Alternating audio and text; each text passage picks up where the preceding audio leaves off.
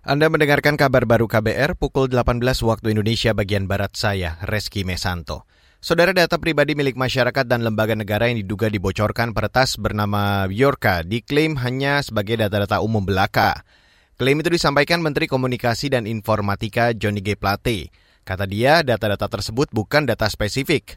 Menkominfo mengaku baru saja melakukan rapat terbatas dengan Presiden Joko Widodo, Wakil Presiden Maruf Amin, Menko Polhukam Mahfud MD, serta Kepala Badan Cyber dan Sandi Negara atau BSSN Hinsa Siburian untuk membahas peretasan tersebut.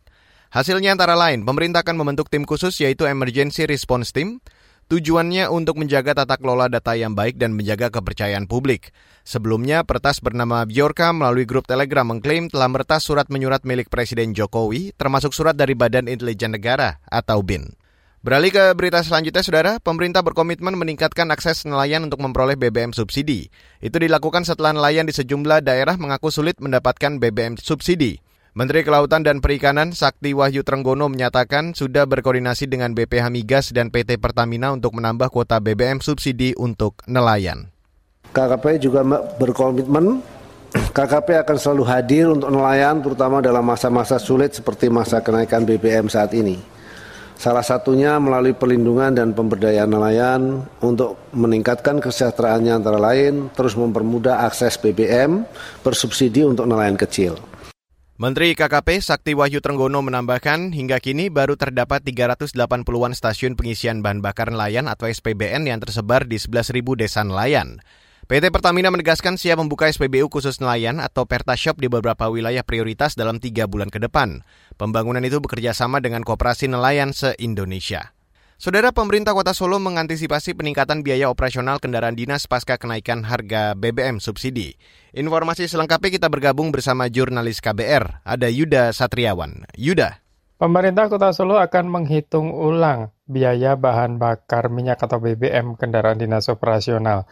Wakil Wali Kota Solo Teguh Prakoso meyakini akan terjadi pembengkakan biaya operasional kendaraan dinas pasca harga BBM naik. Menurut Teguh, Pemkot saat ini masih mengkalkulasi tambahan anggaran atau melakukan upaya penghematan. Tetapi mesti ada kenaikan karena uh, operasionalnya uh, mobilitas kan banyak. Kalau di di kelurahan-kelurahan gitu. Di kelurahan-kelurahan.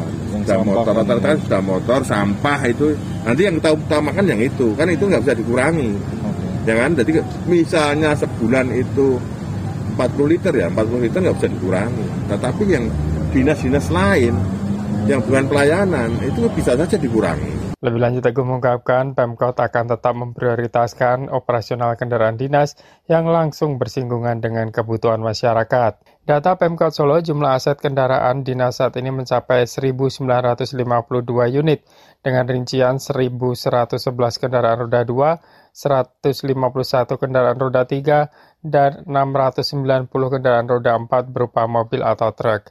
Pemkot Solo saat ini sudah mengajukan penambahan anggaran bahan bakar minyak atau BBM dalam APBD perubahan. Dari Solo, Jawa Tengah, Yuda Satriawan, KBR. Dan saudara, demikian kabar baru saya Reski Mesanto.